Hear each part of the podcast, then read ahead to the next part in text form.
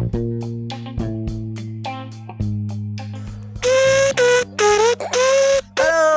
balik lagi di Labora Radio. Radio paling kusut ngebahas hidup-hidup yang tentang kusut, semua tema kita angkut. Yo, enjoy.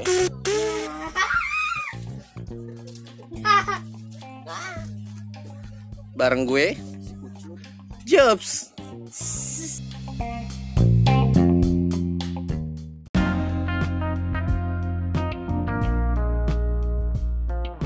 Kita malam ini kita pengen nyinggung-nyinggung pengen sedikit ngebedah ngobrolin sedikit masalah apa? Klub berantem ya gitu. Ini Inggris apa?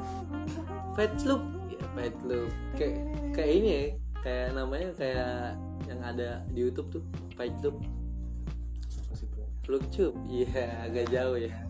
Agak garing oke kita kita oh nggak apa-apa bebas di sini. Malah yang sopan-sopan dilarang sini. Kalau sopan-sopan curiga caleg. Iya. Gitu ya kan. Jadi kayak kita kita bakal ngebahas. Kita pengen coba ngebahas apa tema-tema film ya. Soalnya menurut gua eh, film-film di tahun 90-an itu salah satu generasi terbaik lah. Kan? terutama 93 94 sampai 99 sampai masuk awal 2000 tuh salah satu generasi generasi ini maksudnya industri Hollywood ya?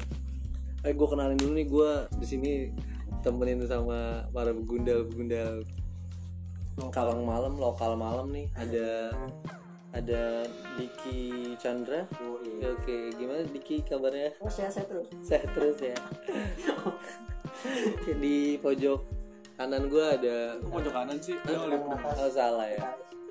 Ada Ali Faiz. Eh, kok apa apa Al Ali Faiz kok nggak jadi anan sih? oh yang nggak jadi oh yang anon ya Iya. salah kan gue Lu aja jukle. oh iya Salah. Lu di sini oh ya kenalin dulu dong sebagai sebagai apa Saya sebagai sebagai apa di sini? Supporter, supporter. namanya namanya nama anonnya apa Penonton penonton.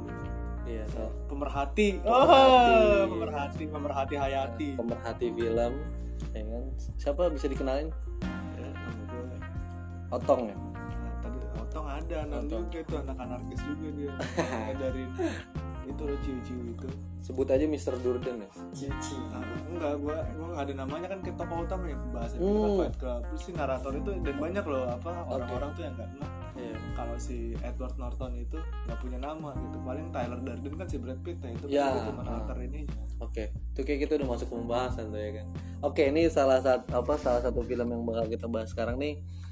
Eh, mau tanya sih kabarnya oh iya, kabarnya gimana? Sensitif banget Lagi loh sibuk apa? Iya, oh iya lagi sibuk apa lagi Iya. sibuk apa? Di talk show. Lagi sibuk apa? lagi sibuk apa jangan pamri Pamri ya. Iya. ah, Coba kalau- aja. kalau kabarnya kabar dong gue gue jawab sendiri deh nggak ditanya juga nggak apa-apa boleh Sabi, sabi.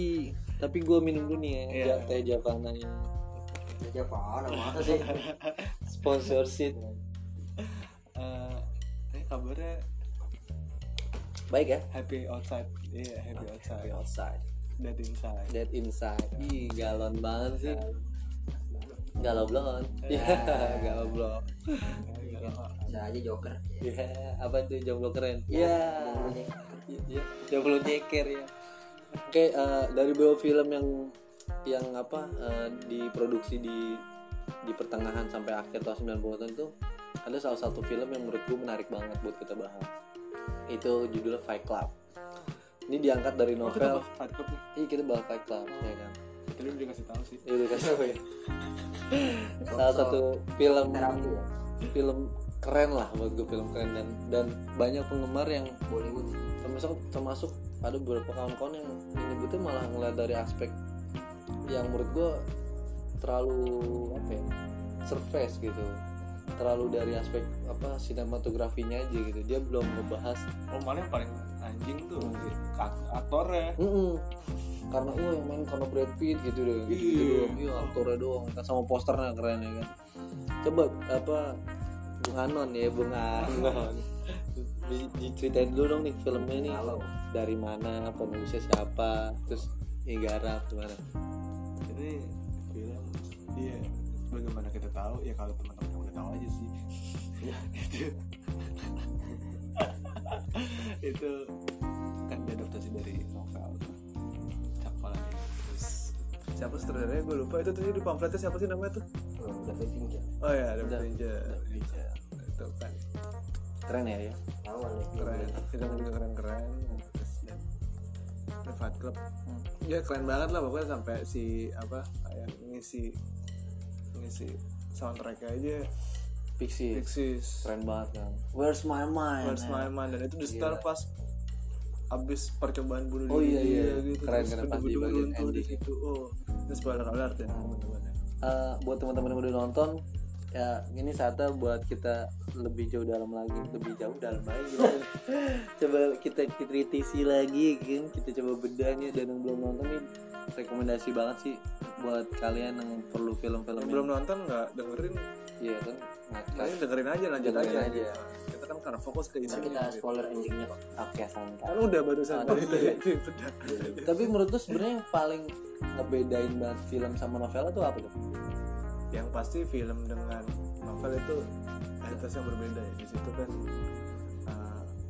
kalau kata Pak Sabar Pak Sapardi itu ya nggak tahu sih gue taunya dia bilang itu proses ekranisasi apa ekranisasi Ekranisasi proses, apa tuh? uh, proses adaptasi Hmm. suatu karya Ali Wahana sebenarnya. Ali Wahana. jadi kayak misalnya dari puisi jadi kabel gitu Hmm. itu bisa aja loh itu memungkinkan orang-orang hmm. performance art itu yang mainnya salah sih Hmm. gitu ada ada yang aneh cuman ini ya dia paling umum kan paling awam kan ya dari karya sastra itu kan jadi film. Jadi nanya apa sih? Iya perbedaan yang dari yang apa yang mencolok menurut ah, dari segi ini deh cerita gitu misalnya. dari cerita. Ada nggak yang timpang banget sebenarnya atau oh enggak saudaranya sendiri kan nggak ngeluhin itu di sini hmm, jadi ya ya nggak melepas dari substansi. Kalau misalnya dikatakan beda ya jelas beda Hmm. gitu apa sederhananya beda ya beda gitu kan. Ya kayak namanya juga orang-orang beda kan ya? iya orang kan beda-beda. Orang kan beda-beda. Ya, siapa yang sama kontol kontol. Tapi kalau dari segi apa industri nih, dia masuk ke salah apa ratingnya gimana? Sama ma- masuk uh, salah satu film terbaik juga. Iya kalau gue ngeliat di IMDb yang Hmm. paling paling surface gitu yang paling sering dipakai orang gitu buat jadi pertimbangan ini film bagus apa enggak di IMDb IMDb itu masuk 10 besar dari 10 besar ya. semua film yang pernah ada gitu yang Ah, pernah di, gokil, yang gokil. pernah ditonton sama orang-orang IMDb gitu Layak sih ya. Nah sembilan. Kalau nomor dua dia kalau nggak salah nomor dua atau nomor tiga gitu. Bukan nomor satu tuh House-nya kan kalau nggak salah ya. Kalau Pulp Fiction menurut tuh keren banget. nggak tahu ya karena gue goblok. Ya nggak goblok juga sih karena gue nggak ngerti-ngerti amat gitu ya. Gue nggak nggak punya bekal yang Subjektivitas tuh deh. ya ini karena gue gak punya bekal yang cukup gitu buat uh, mengkonsumsi. Hmm. ya kan di sini kan kita posisi sebagai objek ya. Meskipun kita mengobjektifikasi juga gitu itu gue melihatnya dia keren Fight Club sih karena Fight Club ya. iya apa kayak lebih dekat aja gitu apa bahkan kayak gue nggak bohong gitu apa kayak produk budaya seperti film ini gitu juga memicu apa gairah-gairah Hmm. revolusioner gitu Pokoknya agak-agak rebel lah ya kata di Iya. bawahnya. oh tapi nggak juga Nggak kalau juga. menurut gue menurut gue apa kayak ada kecenderungan misalnya kalau misalnya teman-teman lihat nggak tahu ini gue agak keluar dari Fight Club gitu ya soal ngomongin gairah Hmm. dan produk budaya gitu ya kayak ka- kalian pernah bertanya-tanya nggak sih kenapa uh, film kan tadi kan kita fokus di tahun 90-an gitu Hmm. 90-an akhir sampai 2000-an akhir ya. kalau misalnya kalau teman-teman lihat di sekitaran circa 2010 gitu ya, itu kan kayak banyak film-film yang kayak ngangkat tema kritis Hmm. seperti ya, dan adaptasi juga dari novel gitu kayak Fight Club kayak mes serinya Maze Runner Hmm. terus uh, Hunger Games Hunger itu kan Games. kritis banget gitu Iya. ya dia ngomongin kelas gitu kayak dia ngomongin distopia terus selanjutnya utopia gitu Yap. ya. apa yang mereka tawarkan gitu. tapi di sini jadi sell out abis gitu di uh, Iya sih, bener kalau kita ngomong masalah sell out sih emang. iya dan di sini kayak gue ngeliat ini kita perlu skeptis sih di sini Iya, iya. kayak melihat apa wajah apa uh, wacana yang Hmm. sedang digulirkan sama Hollywood akhir-akhir ini gitu kayak bahkan kayak Avengers aja kan itu kan lawannya kan si siapa tuh Malthus tuh Hmm, iya. si siapa yang ini Thanos, Thanos Thanos, Thanos iya. itu kan dia kayak ngangkat population teori. populasi scarcity itu kan ya kayak kelangkaan makanan Hmm. itu Dan apa itu ya? Itu teman akrab kapitalisme banget kan. Hmm, tapi di situ di demonisasi gitu Iya. posisinya tuh diantagoniskan gitu ya seperti itu gitu Mungkin kita belok dulu nih ke Bung Balik Ali. Bung Ali. Ya lagi Guys, kita coba urai dulu deh ceritanya dulu ya kan? Aku juga mau googling kan biar kayak kelihatan internet gitu. Riset dulu gitu kalau mau kalau mau nyongor tuh riset dulu gitu. biar teman-teman yang apa mungkin yang belum nonton kan jadi kan filmnya ini ini narator kan dalam ceritanya kan narator seorang pekerja kantoran pak eh, budak IKEA ya Enggak dia iya iya dia konsumen konsumen pasif IKEA lah katakanlah Iya, konsumen pasif IKEA dan dia bekerja sebagai apa sih kantornya Famar. Eh bukan. mungkin dia sebagai Mehem, mehem. sebagai akunting ya bukan project merah mah itu ya. Ya itu sebagai akuntan. Iya, dia sebagai akuntan yang tiap hari kerjanya cuman dapet laporan dan lo harus ngaudit itu terus lo mondar mandir ke beberapa buat ngitungin orang-orang kecelakaan itu kan? Iya. bikin apa? Statistik. statistik biasa. Stat. Kan statistik dan sebagainya. Dan akhirnya itu ceritanya akhirnya dia eh, mencoba untuk apa ya ngaktualisasin keresahan dia ya lewat apa kekerasan apa gimana sih? Gue gue susah ngedeskripsinya ceritanya si narator ini kan sebenarnya itu kayak ini spoiler ya Hmm. ini kayak apa dia melakukan keseharian yang seperti itu gitu yang monoton gitu dia, dia, dia sebagai pekerja Hmm. terus dia uh, dalam proses peker- pekerjaan itu dia sebagai ya orang yang berpenghasilan gitu dia ya udah dia jadi kayak belanja gitu dia jadi konsumen gitu ya konsumerisme banget Nah, dia konsumen. konsumerisme lah di sini Iya di sini apa di awal-awal tuh isunya tuh isu konsumerisme. terus akhirnya dia ketika stres salah satu obatnya adalah untuk datang ke eh, apa tuh yang kayak rohaniawan Iya dia datang ke klub apa uh, penyintas Iya, penyintas penyintas-penyintas kanker. gitu kan.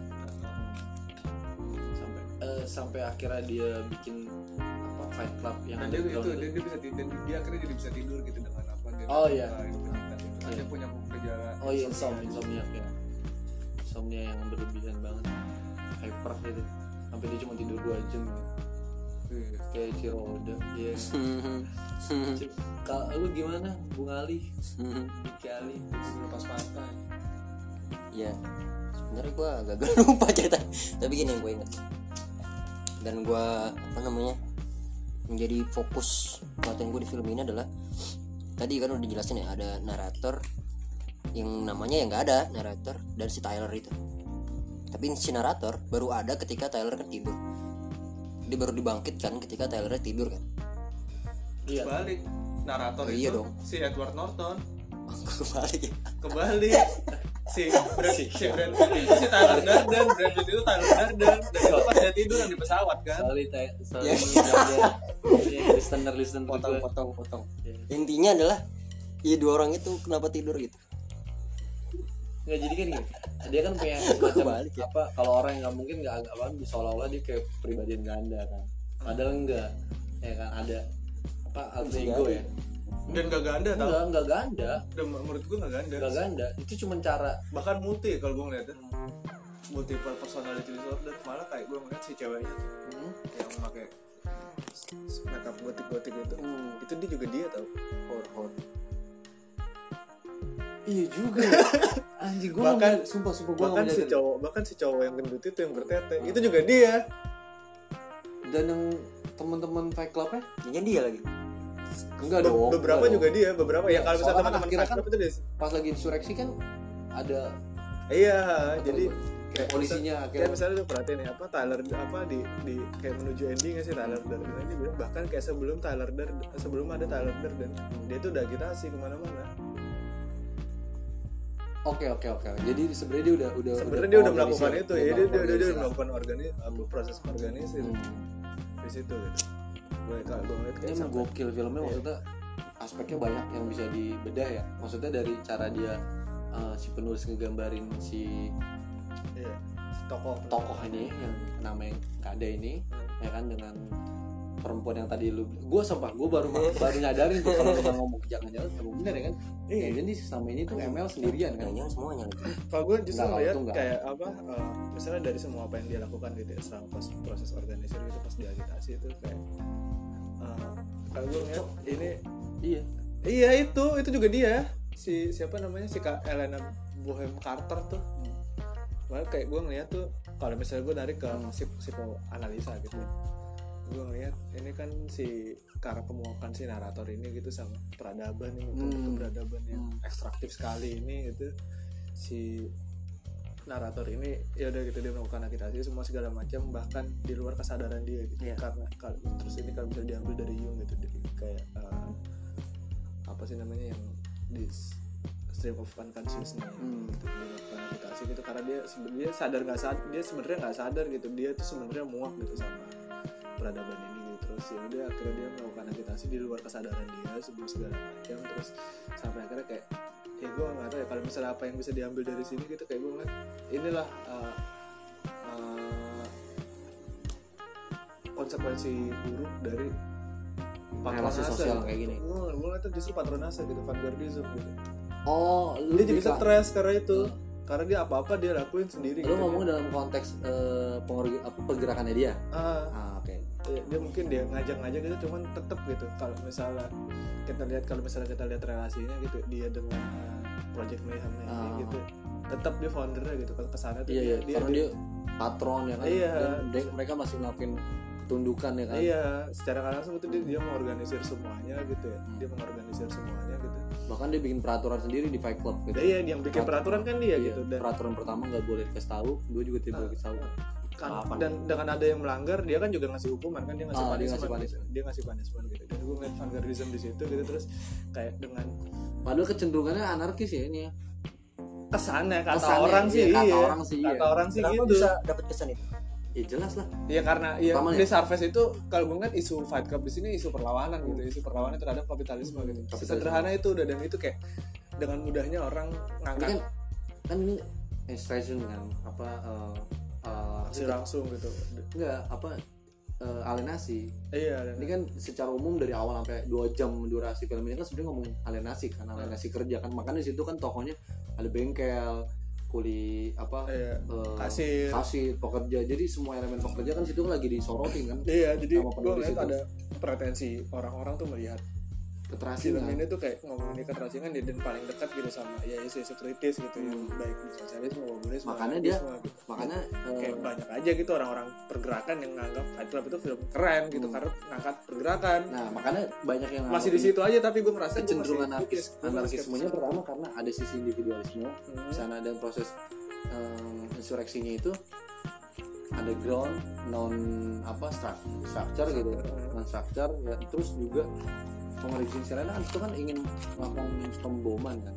Hmm, itu. akhirnya di apa bank bank gitu kan. Karena dia kan dan tendensinya itu determinan ekonomi banget gitu ya kan. Karena menurut dia cara ngebalikinnya adalah dengan menghancurkan apa eh, lembaga-lembaga Iya, keuangan gitu. Dari situ relasi kerja mungkin bisa hancur.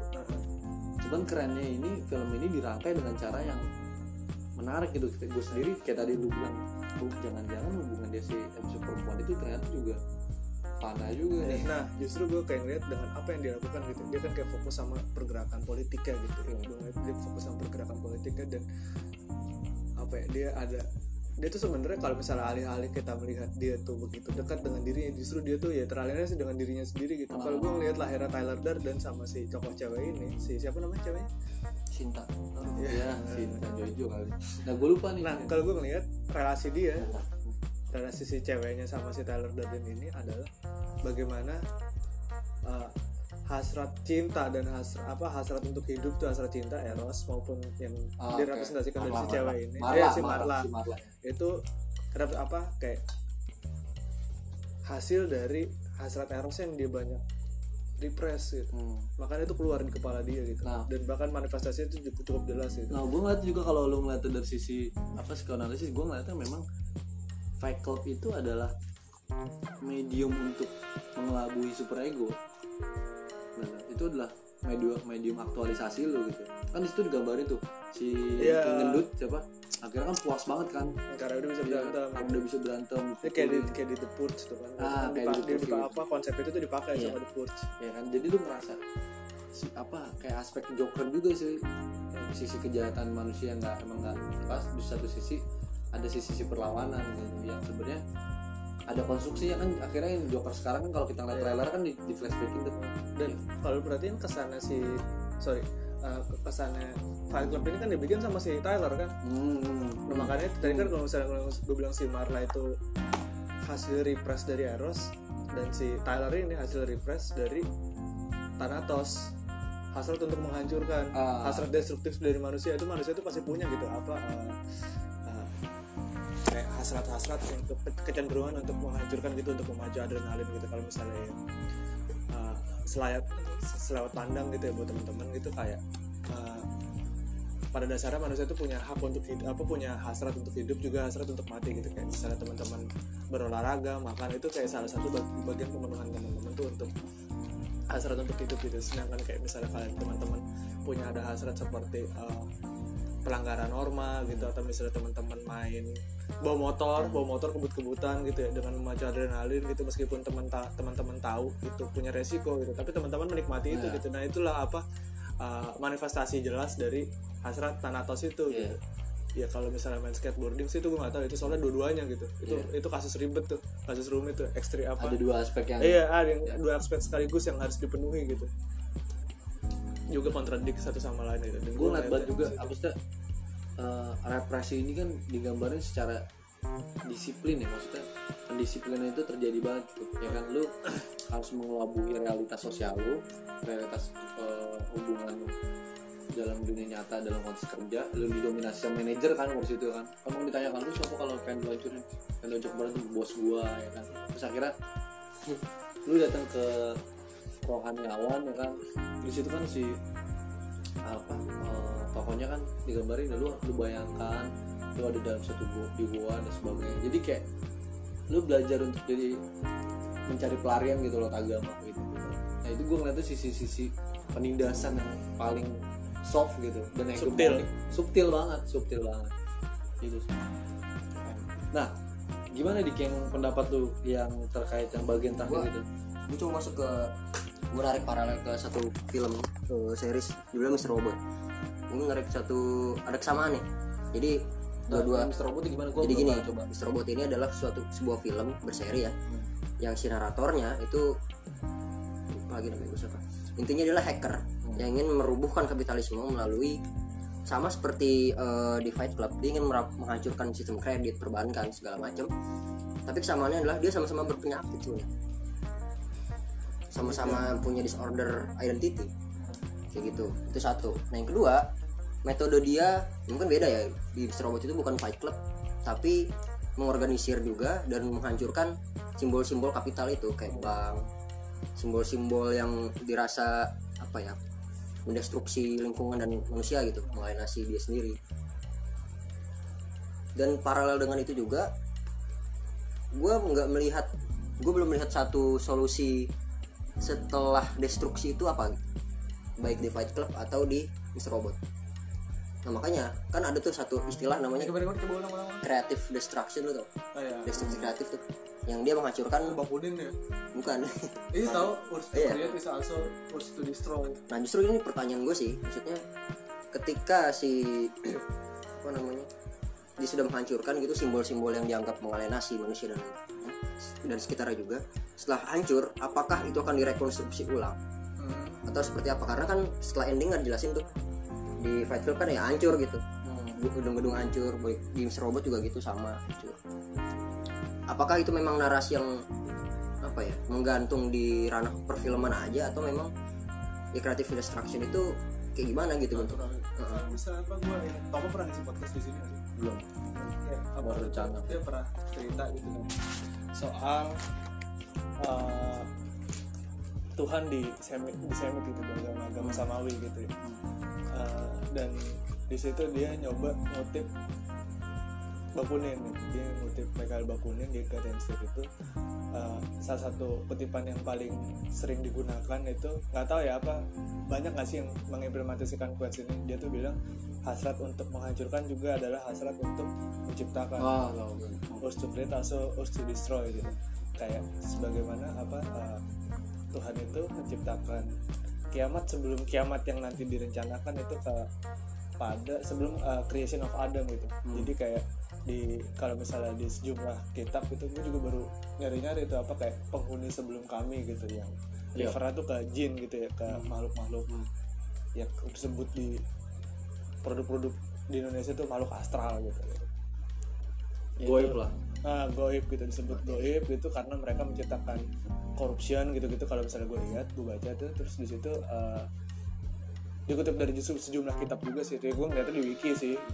Terus uh, Tuhan itu menghancurkan untuk menciptakan gitu. Apa? Menghancurkan uh, kayak misalnya transisi dari uh, zaman Paleosen ke, uh, dari zaman Triasik ke Jurasik terus ke Kretasius gitu. Terus Kretasius jadi dari semua dari semua uh, transisi itu yang berjarak ratusan juta tahun gitu setelah selang berapa lama proses tiba-tiba dihancurin terus menciptakan baru dihancurin lagi menciptakan baru. Di situ kalau gue ngeliat tetap lagu bunga hitam menghancurkan Ah, ada. membangun. Iya iya emang ya gue rasa bunga hitam juga refer ke situ gitu. Mungkin. si bangunan itu gue punya nggak- menutupi kemungkinan, kemungkinan. iya nggak menutup kemungkinan ke situ. Jadi apa eh, kayak terma terma seperti reformasi revolusi dari re itu ya dari kata re itu kan kayak ulang gitu pengulangan gitu. Revolusi kan repetisi dari evolusi gitu. Kayak evolusi evolusi ulang gitu. Pun juga reformasi gitu. Pengulangan terhadap formasi gitu. Itu ada upaya ada semacam dari dari proses-proses itu tuh kayak ada upaya penciptaan ulang gitu narasi ulang gitu pembangunan ulang gitu. Semua semua punya ada eh, Dan- semacam ada evaluasi. Kecen- ada kecenderungan negasi banget sih maksudnya karena setiap yang yang sifatnya transendental aja se- tetap kayak gitu gitu. Jadi nggak tahu deh ini alamiah apa apa gimana gitu. Karena dia ada di setiap zaman sih Ah, persoalannya itu. Makanya kan bahkan sebelum ada manusia gitu katakanlah gitu. makanya yang disebut dengan apa alami itu kan hal yang melampaui spesifik gitu. Itu baru bisa dibilang alamiah gitu. karena dia melampau, melampaui hal-hal yang sifatnya spesifik. Meta story meta Ya, histori kenapa nggak disebut remodern ya? Gue baru kepikir remodernisme kenapa dibilang postmodernisme gitu? Kenapa nggak post evolusi kenapa jadi revolusi gitu kenapa nggak post formasi jadi tapi jadi reformasi gue nggak bisa membedakan itu gitu. padahal tapi lu bilang melampaui itu ya gue sepakat gitu dibilang melampaui gitu ya kalau misalnya kayak Beyond, kesan- iya beyond. iya melampaui melampaui itu kan kesannya kan dari tadi kita pos pos mulu gitu sama satu hal lagi sih sama di Mr. Robot dan Fight Club adalah si tokoh utamanya sama-sama orang yang menderita sebenarnya yang satu menderita secara batin di- depres karena kerjaannya akuntan segala macam kan yang satu lagi dia depres karena sama sebenarnya kerjaan sebagai IT security yang itu kayak nggak ada hidup gimana sih? Ya udah kerja gitu gitu gitu aja gitu Iya, monoton hasil. nah apakah sorry. apakah memang ya kalau gue pikir apakah memang setiap orang yang terdepres gitu terdepresi teropresi terrepresi itu punya hasrat untuk melawan sebaliknya untuk menjadi dominan dari yang merepresi dia gitu kayak misalkan gue ditonjok orang. Lawan balik. Ya hasrat gue adalah menonjok balik dia dengan jadi dia tapi gimana tau tukar posisi gitu. Kontra apa? Sebutannya? Tapi gue ngeliatnya nggak pada pertukaran posisi Nggak ada- objek gitu. Gue nggak ngeliatnya nggak pada tataran posisi atau apa tapi lebih pada ke tingkat pemuasan hasratnya gitu. Hasrat revenge-nya itu gitu. Kan makanya kayak misalkan for Vendetta kan lebih kayak ke revenge kan ketimbang wacana politik gitu. Karena narasi di awalnya itu membangkitan bahwa apa hegemoni gitu yang selama ini harus dibalikin dan sebagainya. Tapi kan kalau yang di Fight Club ini kan gue ngeliat apa? Dia si narator yang menggambarkan eh, dia hanya satu dari banyaknya orang. Makanya yang di capture nggak cuma dia sebenarnya. Nah pembentukan Fight Club itu kan akhirnya melibatkan pihak eh, Iya, banyak pekerja-pekerja yang lain kan? Nah yang sama-sama tertindas ya? Hmm, sama satu Maksud ini gue hasrat yang sama-sama tertindas kolektif itu sebenarnya punya hasrat untuk melampauinya dengan kekerasan gitu. Nah, makanya bilang itu. Makanya kan tadi kan makanya dia di dan Fight- bersama dan sifatnya makanya kolektif. ketika pas kita melihat adegan si di fight club akhirnya ketahuan dia tuh ternyata mukul diri sendiri gitu. Dan dia lagi mukul-mukul itu kan sebenarnya bukan pada gua harus jadi dia atau posisi apa kan. Bahkan solusinya bukan untuk menjadi kapitalis berikutnya ya kan untuk menjadi seorang. Tapi justru ingin menghancurkan itu. Karena kapitalisme telah menghancurkan dia. Nah karena kapitalisme menghancurkan dia kan. Nah dengan cara-cara yang kalau di situ ya tadi gue sepakat sama lu cuman mungkin gambaran di film ini Vanguard gitu. lebih kecenderungannya Vanguard iya gue juga bilang itu Nah, cenderungan yang digambar di film. Kalau di Mr. Robot itu gimana?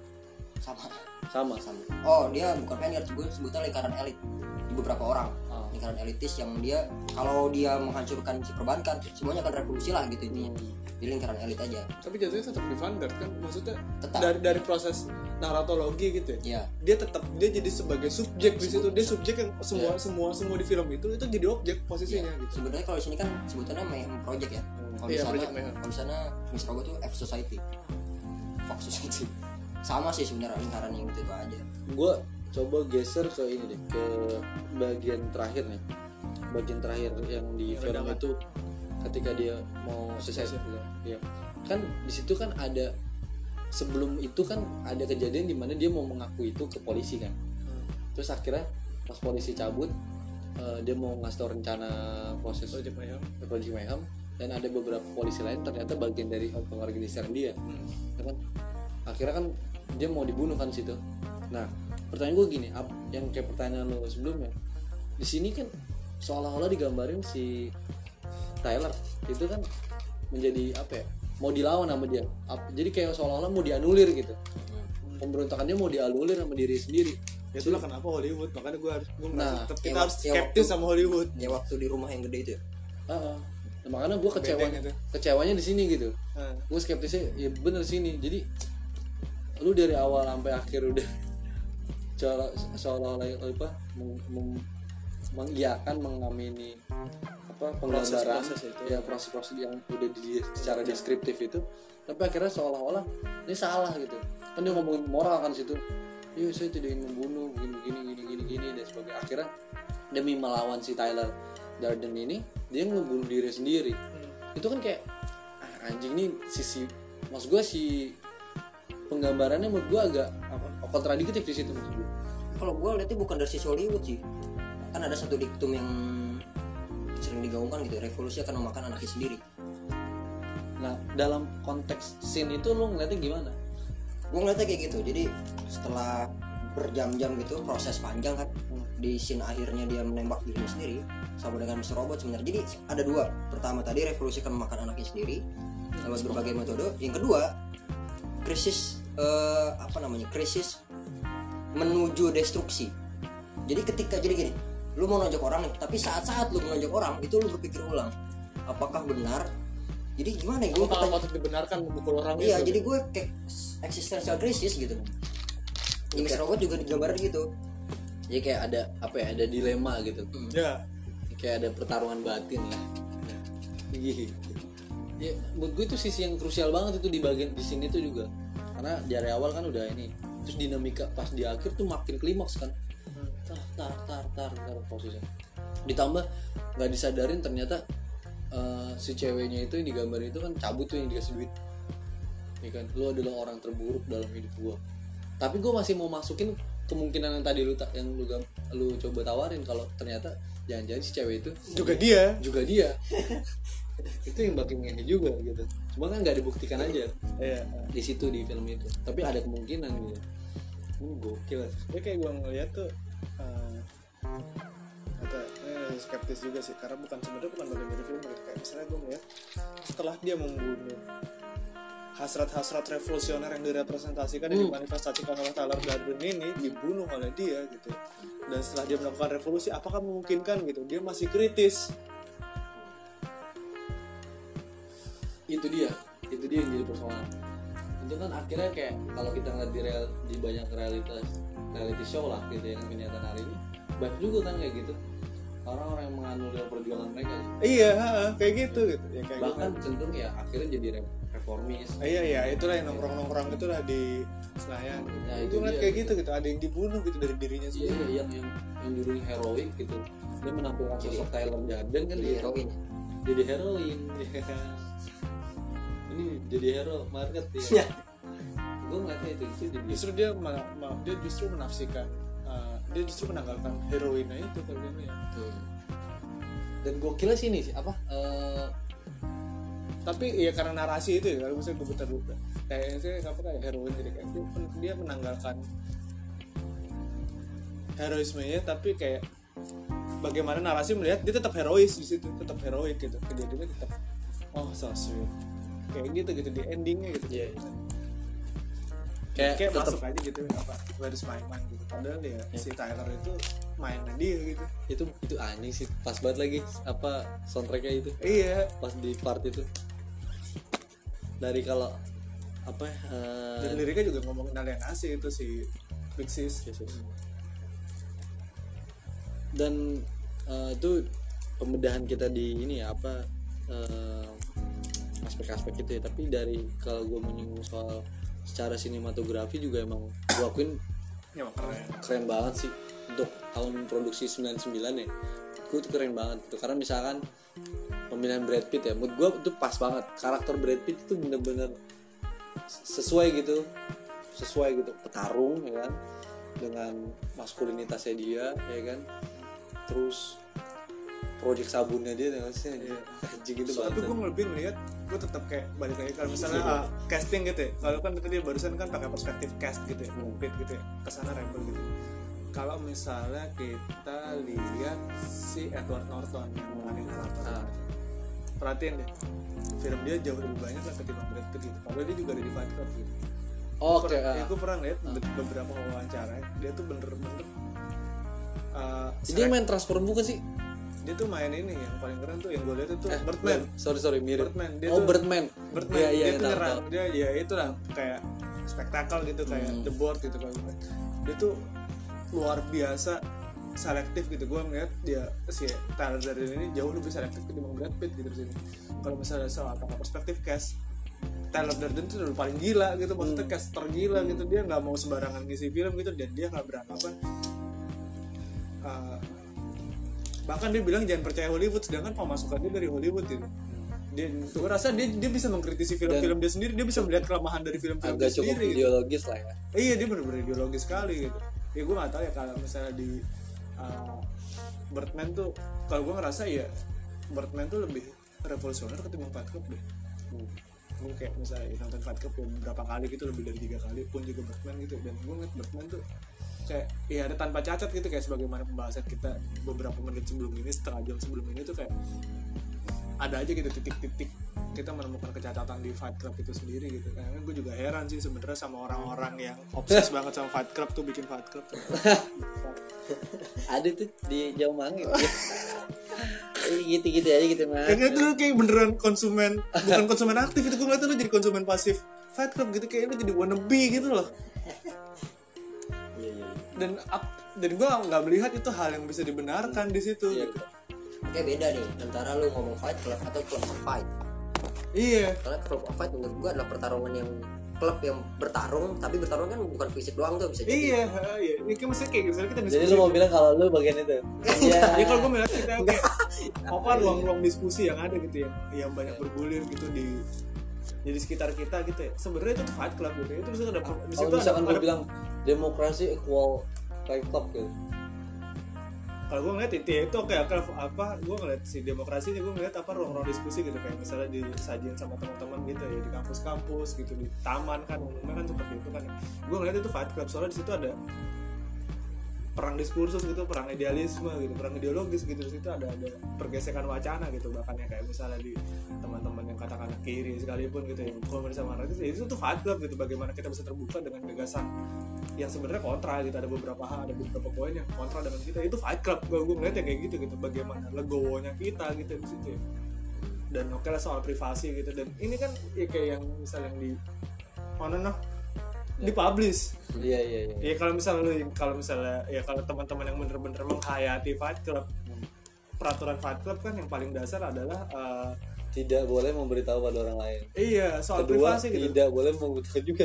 Iya itu kayak dua dua yang pertama ya kayak ya kayak keagamaan banget ya, kayak repetisi gitu harus diulang-ulang gitu. Kayak gue ngeliatnya nih kayak khotbah tuh kenapa sih itu itu aja gitu kalau gue dengerin. Ya, harus diulang-ulang gitu buat uh, penanaman memori kolektif gitu. Dan apakah perlu gitu apa uh, yang Fight Club ini harus diumbar-umbar gitu. Oke sedangkan ini buat kalau misalnya gue ngeliat uh, culture of apa security security culture tuh kalau misalnya dia nih kalau gue ngeliat apa uh, kecenderungan ideologisnya kan anarkis gitu. Ya cuman ya lucu juga. Gue juga nggak melabelkan sih tapi emang ada iya ada kecenderungan anarkis gitu. Ada soalnya di pamflet ada ya logo antifa gitu. Dan lebih sering yang pakai logo antifa kan itu kan anarkis. Iya. gitu. Dan luar ada tuh eh, semacam fight club tapi dia antar supporter bola. hmm, di pesantren juga ada dong semalam kita ya, tarung genggong kan Tarung genggong. tarung genggong Tarung itu gue bawa itu tuh apa Iya. kayak gue ada di grup WhatsApp oke itu kan oke oke tahan dulu tahan dulu. Jadi semalam kita udah nonton kita bahas lagi. Kita break dulu nih ntar kita lanjut ke segmen berikutnya masih ngebahas Fight Club nih. Oke eh, sambil dengerin lagu-lagu dulu ya.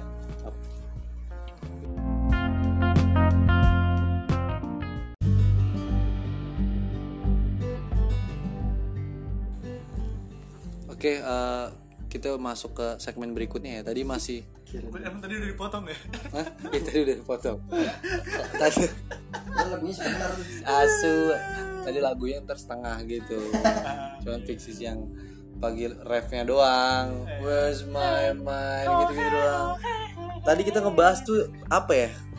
Tadi kita ngebahas sudah banyak ini lah cukup cukup sporadis lah ya. Cukup cukup cukup sporadis ngebahasnya cuman kayak emang iya iya ya gitu lah ya kan mendengar kayak kan. Jadi kita cobain masuk ke apa tadi? Aturan. Aturan. Gimana eh, Fight Club gitu. Oh iya tadi kita juga endingnya juga bahas aturan juga sih. Aturan ya di aturan. Kan di itu kan akhirnya ada perubahan aturan tuh karena memperluasnya peserta Fight Club kan. Akhirnya di situ ngeliat kayak ada otoritas si narator. narator si si, si killer narator. Eh, eh, narator ya narator gitu. Dan akhirnya tadi nggak tahu ngelihat vendor gitu kan. Tadi lu mencoba masuk ke mana? Hmm. itu buku pantik ya. Kan di Fight Club itu aturan pertamanya adalah hmm, kita udah membicarakan fakta ya tidak boleh dibicarakan. Ini nggak boleh dibawa keluar lah urusan internal Fight Club gitu. Kedua. Yang kedua sama.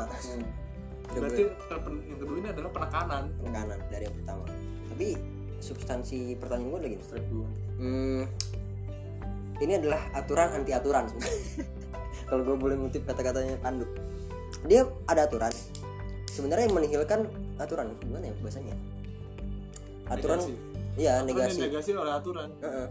sebenarnya dia kan sebenarnya tanpa aturan tuh di situ. Tapi toh ada aturan. Ya ketidakaturan itu diatur dengan aturan. Ya jadi sebenarnya tidak ada yang tidak ada aturan. Iya tidak ada yang tidak ada Tidak aturan. nah, pertanyaan gua itu benar. Apakah bisa bukan bisa. Salah. itu fakta gitu. Maksudnya menurut gue secara secara material kehidupan kita itu ada dalam lingkaran sistem itu sistem. Jadi menurut gue gini pandangan komunisme gitu anarkisme dan sebagainya libertarian dan sebagainya tentang kan semua apa pun temanya ya topik ya Hmm. kita kan kembali pada ini kan sistem. Daripada gitu. beda sama rules ya maksudnya gitu iya. Beda sama rules. Ini ngomong sistem. Jadi ketika lu ingin menghancurkan sistem dunia tanpa sistem kayak misalnya Nietzsche itu kan benci sama sistem ya. Dan lu nggak lu udah bahkan dia lu nggak bakal bisa mencari kebenaran dengan cara yang sistematis gitu. Tapi dia membuat sistem sendiri. Nah itu dia Iya. poinnya. Itu dia poinnya. Makanya kalau kita balik pijakan ke situ bagaimana ketidakada aturan? Ini kan ntar ujung-ujungnya bisa nyerempet ke kebebasan. Hmm. kebebasan tanpa aturan gitu apa arti aturan bebas? tanpa kebebasan. Hah? kebebasan tanpa aturan atau aturan tanpa kebebasan? Aturan tanpa kebebasan. Eh, Nah, kan. berbalik nah itu dia. Ini ini ini, ini. kita berantem aja kayak puter. Dan makanya ada nih ini gue menariknya dari Marx kayak gini. Iya dia ini kalau referensinya maksud gue gue kalau refer ke dia dia tuh nggak pakai kata kebebasan. Ini jarang yang di di jarang disinggung. Dia tuh pakai free development. Gitu. Perkembangan jadi dia dia tekanin adalah dan ya bebas berkembang. Pertama bebas berkembang perkembangan bebas. Ah ya perkembangan bebas. Dari apa untuk apa? Be- jadi bebas dari apa dan untuk apa? Oh iya saya Berlin hmm, Marx. Iya itu Iya, iya. dikembangin sama Berlin. Ya nah menurut gue ini ini yang ini ini ini, ini yang jarang di ini jarang di apa ya, jarang disinggung. Karena ini menyangkut hal yang sifat aksiologis juga gitu maksud gue dan epistemis ini dijelasin epistemis ya ma- ma- masuk ke dalam saat inilah apa kerangka itu secara utuh gitu nggak bisa lepas gitu. Nah kalau dari Fight Club gue ngelihatnya dia masih terjebak sama itu. Bahwa lu nggak bisa berkembang gitu tanpa ada aturan. Walaupun aturan itu diciptakan untuk menghancurkan aturan. Ya jadi gue ngeliatnya sebenarnya itu bukan bukan meniadakan aturan tapi mengganti aturan sebagaimana aturan yang gak lu suka dalam hal ini kapitalisme. Kayak gitu aja. Tapi lu bisa lanjut gue mau.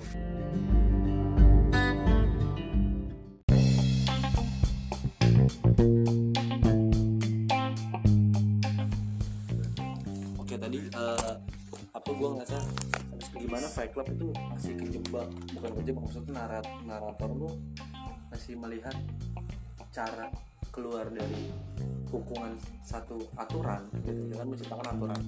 Yang punya kesan itu tidak ada aturan nah itu kelihatan tuh dari bagaimana akhirnya dengan dengan menciptakan aturan baru yang basisnya adalah uh, aturan itu sendiri ya akhirnya apa yang ada otoritas. Dan otoritas ditampilkan gitu dari karakter ini gitu. Tokoh ini. Akhirnya usaha gerakan gitu usaha gerakan kolektif yang dibangun secara underground gitu untuk menjungkir balikan sistem. Akhirnya bisa dibilang kan katanya pertanyaan apakah setelah insurreksi itu apa kan nggak nggak digambarin kan? Jadi kita digantungin juga sama penulisnya. Digantungin. Beda pertanyaannya sama si V pas ditanya apakah dengan menghancurkan gedung parlemen itu akan bisa menjadi perubahan? Dia bilang mungkin. Berarti kan ada probabilitas. Harus gitu ya jadi gue ngeliatnya kayak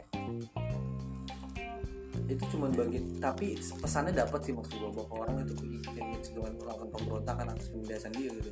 Karena yang direpresi nggak cuma fisik psikologi gitu. Sampai semua orang ruang hidup dia tuh kayak dia tercerabut gitu kedaulatan dia tuh kecabut gitu. Ya enggak sih melawan ini ini melawan sistem atau ya enggak, melampaui sistem itu tidak bisa. Bahkan diri kita sendiri pribadi itu kan ada sistem. Iya. sistem imun. Kita nggak bisa nolak lagi ya, darah segala macam lah yang kita tidak bisa tolak banyak kan kita cuma bisa ngomong gitu. ya tidak bisa di aku nonton agak kerek ya.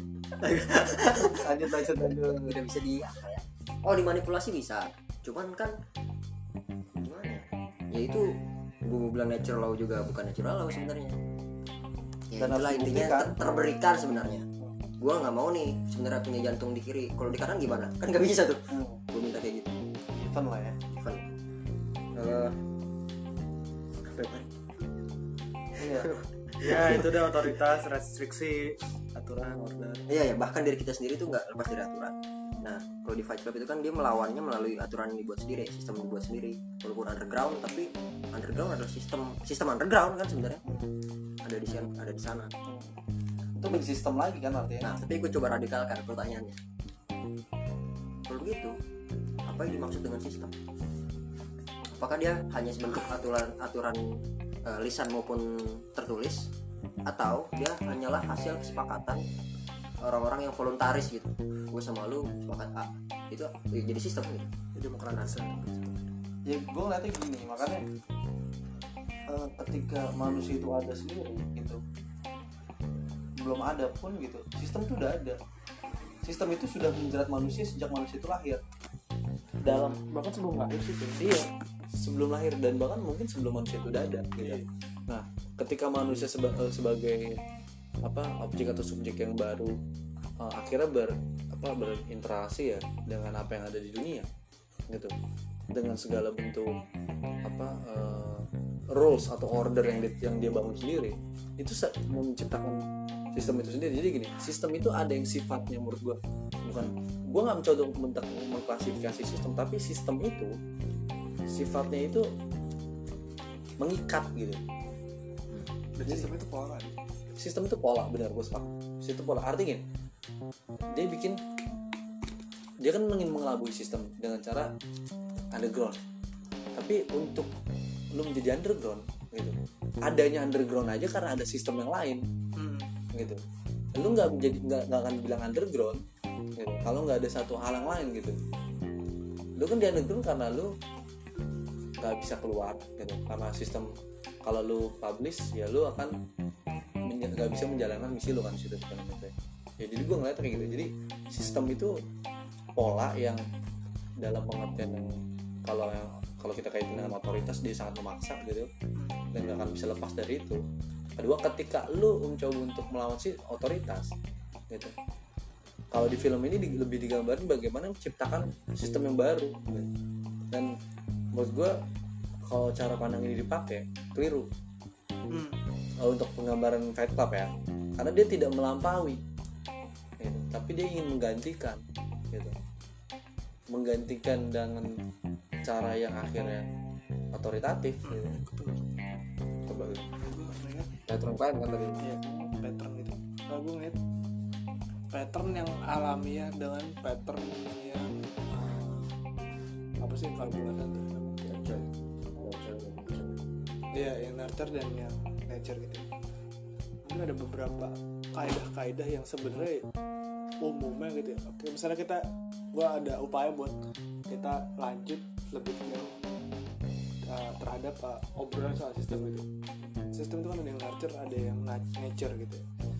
Itu uh, kalau misalnya yang nature ya pada dasarnya itu ya kayak misalnya kita lapar ya kita nggak punya opsi lain selain makan gitu atau kita melakukan hal-hal lain gitu ya kita bagaimana mendinai merepress rasa lapar itu gitu hal-hal lain meskipun ujung-ujungnya kita harus makan itu yang nature gitu kayak nature kan kayak misalnya kapit- misalnya katakanlah kapitalisme itu udah natural gitu. ini yang berbahaya gitu. yang uh, di situ kan ada proses-proses hegemoni di situ gitu ada upaya ada berbagai macam upaya bagaimana yang upaya-upaya melanggengkan kalau kapitalisme itu sebenarnya alamiah gitu. padahal tentu saja tidak gitu. Kalau misalnya gue lihat di Fight Club mereka menawarkan negasi negasi terhadap sistem yang nurture ini gitu. Yang Iya. berupaya yang melihat dirinya itu sebagai nature gitu. Dan di Fight Club Ah, dan iya naturalisasi gitu. Ada upaya naturalisasi di sini gitu. Dan Fight Club itu pengen yang dihantam tuh yang itu gitu. Eh, upaya naturalisasi ini gitu. Yang bohong sebenarnya gitu dan sebagai macam prosesnya gitu kalau misalnya kita kontekstualisasi ya banyak lah gitu sampling samplingnya gitu kan.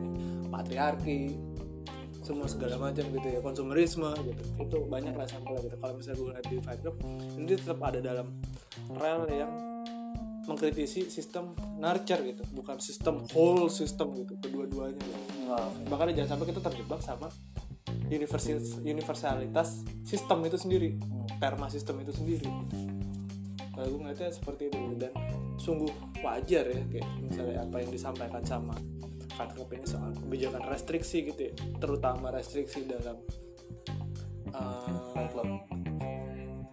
publikasi. Iya di dalam Fight Club. Iya di dalam Fight Club itu kan apa uh, agenda utamanya adalah paling sederhana adalah publikasi gitu. Kalau gue berusaha menafsirkan ya aturan pertama kita tidak berbicara tentang Fight Club, yang kedua adalah kita tidak berbicara tentang Fight Club, sama itu adalah uh, amplifikasi gitu. Ya. Adalah amplifikasi penegasan kalau bukan amplifikasi penegasan penegasan kalau kita tidak membicarakan Fight Club, tapi kalau misalnya kita lihat di filmnya gitu, Fight Club itu berkembang uh, anggotanya nambah ya. Kita tidak berbicara Fight Club. sampai bikin koloni kan Ah, ah, sama bikin koloni kan kalau malah bahkan dia bikin base bikin agenda semua segala macam kalau gue ngeliat kalau gue interpretasikan eh, berkembang apa dengan seakan-akan ini ironi gitu ya. seakan-akan ini ironi ketika publikasi itu ditolak tapi nyatanya orang-orang itu bertambah gitu ya eh, yang Iya, berada di dalam agenda ini dalam rel ini itu mereka bertambah gitu gerbongnya makin banyak gitu kalau gue melihatnya di situ adalah ketika Fight Club ini adalah penyaluran hasrat kritis mungkin ya di situ. Jadi kita nggak dicari Fight Club, tapi kita yang nyari Fight Club. iya sebenarnya iya jadi kan Fight Club ini jadi medium kan Iya, kita yang nyari komunal gitu, bukan komunal yang nyari kita. Kita nggak ada apa ya komunal ini nggak melakukan rekrutmen gitu. iya Kita diem-diem aja gitu. Cuman pasti akan ada aja gitu orang-orang yang nyari komunal seperti ini. karena pada dasarnya keresahan itu masih Iya dari dirinya sendiri gitu. Apa ya kritisisme itu ya dari dirinya sendiri gitu. Meskipun kalau gua ngeliat ada adegan ketika eh, kasir nggak- kasir Korea atau kasir Jepang gitu di situ. Di situ kan ada upaya pembebasan gitu. Eh, kayak se si kasir Korea ini kan kayak bosnya tuh dipukulin terus si Tyler Durden tuh kan bilang kalau oh iya tahu tahu lu harus lu harus lu harus Eh, mau jadi eh. dokter gitu yang mau ditembak Iya, lu harus mau jadi dokter Ah, gitu. Kalau lu mau jadi hewan. dokter gitu berapa bulan itu ya? iya Apa? Tembak pala iya, lu. paling gitu. ada peluru Iya, padahal nggak ada peluru gitu. Padahal tapi di situ tetap dia nggak membicarakan Fight Club di situ gitu. Iya. Dia hanya memicu ha- ha- kritisisme gitu apa ah, gairah-gairah naluri-naluri kritis. berarti gini dong berarti artinya gini eh, kesadaran seseorang gitu untuk mengaktualisasi ini kan itu dipaksa kan mau tembak sebenarnya mau jadi apa Ah, lu nggak udah udah nggak sekolah sekolah lu saya mau jadi dokter hewan gini gini, gini. akhirnya diancam dengan tembakan terus akhirnya lihat besok dia akan mendapati hari paling bahagia dia. Karena dia akan belajar dan menyiapkan Iya. kuliahnya untuk menjadi Ah. dirinya sendiri. ah, berhasil mengaktualisasikan dirinya. ya kan itu kan yang nggak mungkin sulit terjadi di dalam kapitalisme kan. Hmm.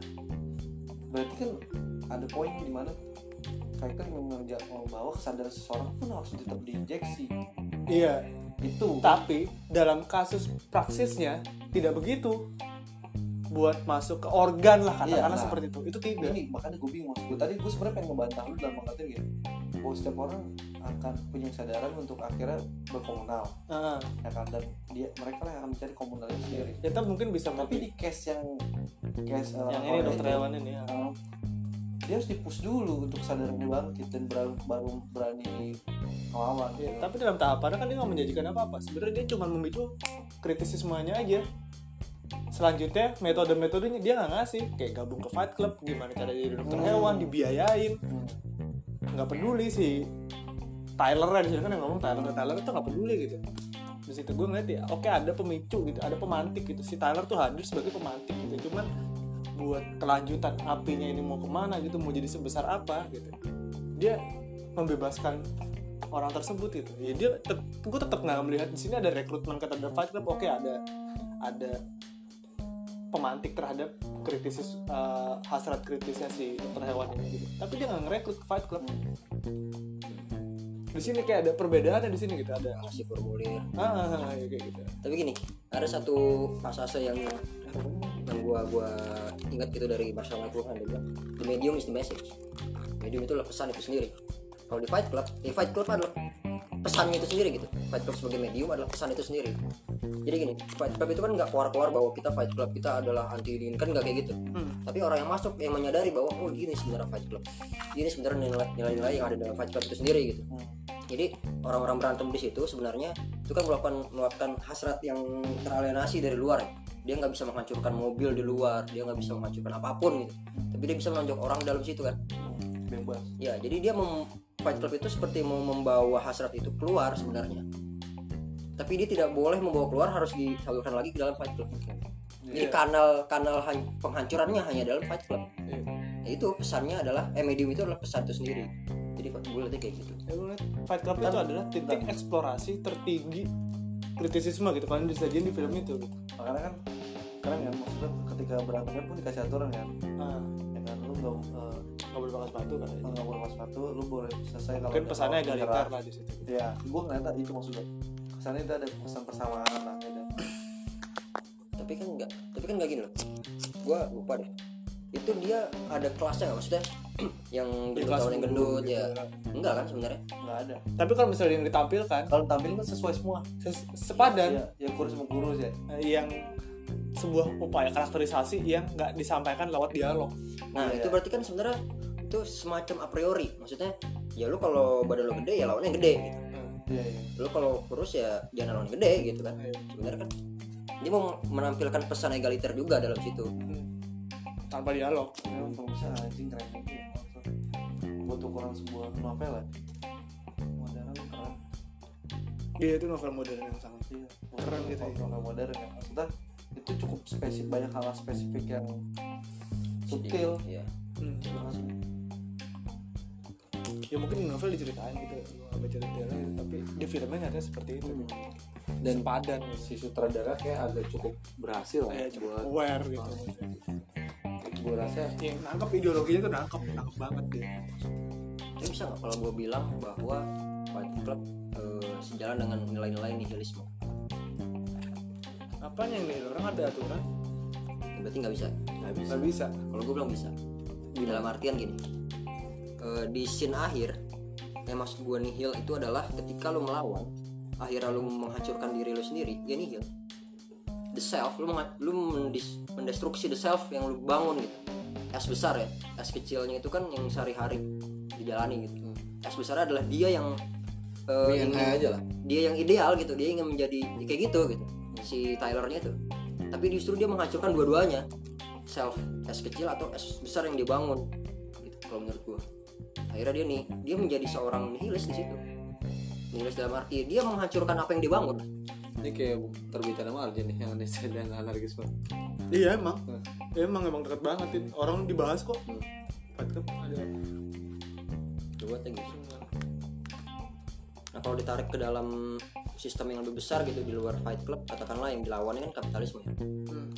untuk melawan kapitalisme dengan kak besar kecil itu kan sebenarnya kalau gua kalau tafsiran gua adalah orang-orang yang menjalankan kapitalisme itu sendiri.